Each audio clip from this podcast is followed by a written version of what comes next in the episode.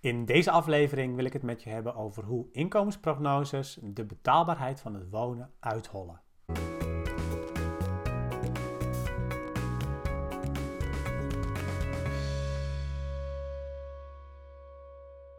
De stelling van deze aflevering is dus dat inkomensprognoses of prognoses over de welvaartsontwikkeling, dat die de betaalbaarheid van het wonen gaan uithollen.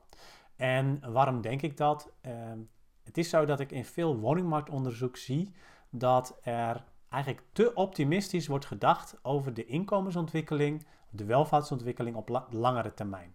Zowel in goede als in slechte tijden lijkt het wel alsof wij um, ja, zijn geprogrammeerd om te optimistisch na te denken over die uh, ontwikkeling van inkomens/welvaart op de langere termijn.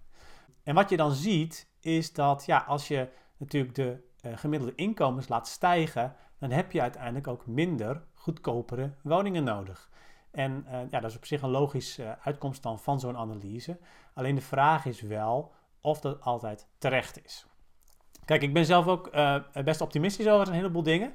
Maar ik vind het ook heel interessant om terug te kijken naar prognoses van tien jaar geleden over nu.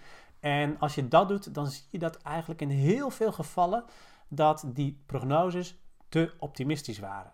Dus waar ik voor pleit is dat corporaties ook altijd een nulscenario schetsen.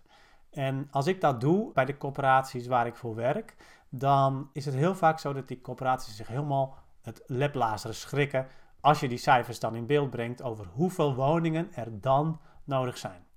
Kijk, bij een nulscenario is het ook heel simpel en dat kun je ook als corporatie zelf heel makkelijk uitrekenen. Want een nulscenario wil niks anders zeggen dan dat je eigenlijk de verdeling van de verschillende inkomensgroepen over de hele bevolking hetzelfde houdt. En dat je dus alleen maar kijkt naar wat is de demografische groei of krimp van het aantal huishoudens. Dus met andere woorden, als nu 10% van, van het aantal huishoudens een bepaald inkomen heeft en het totale aantal huishoudens groeit, ja, dan groeit die 10% inkomensgroep groeit net zo hard mee eh, met die totale groei. En, en dat is het nulscenario. En vanuit het nulscenario kun je vervolgens nog andere scenario's natuurlijk maken van wat als er wel een positieve inkomensgroei is of wat als er misschien wel een negatieve inkomensgroei is. Nou, dan kun je veel meer ja, de bandbreedte bekijken van wat er mogelijk is. En dan zul je ook zien dat uh, kleine verschillen in inkomensontwikkeling jaar op jaar, dat die ook meteen grote impact hebben op het aantal betaalbare woningen wat je nodig hebt. En er zijn best wel veel ontwikkelingen die ervoor zorgen, of die er in de afgelopen jaren in ieder geval voor gezorgd hebben, dat met name de doelgroep waar corporaties voor werken, dat die niet die positieve welvaartsontwikkeling of positieve inkomensontwikkeling doormaken als wat er in de prognose zit.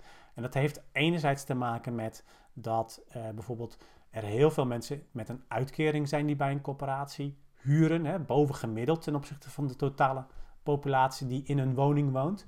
En die, die uitkeringen die zijn veel minder gestegen met de welvaart dan bijvoorbeeld de lonen of bijvoorbeeld inkomen uit allerlei andere zaken. Mijn oproep is dus aan corporaties: maak altijd een nulscenario.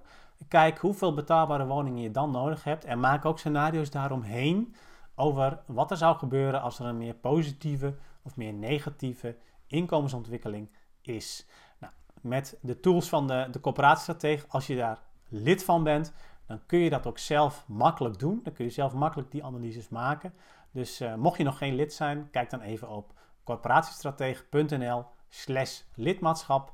En dan ga ik graag met je in gesprek over wat het lidmaatschap ook voor jouw corporatie kan betekenen. Bedankt voor het luisteren naar deze podcast. Wil je nieuwe afleveringen ontvangen? Abonneer je dan op deze podcast.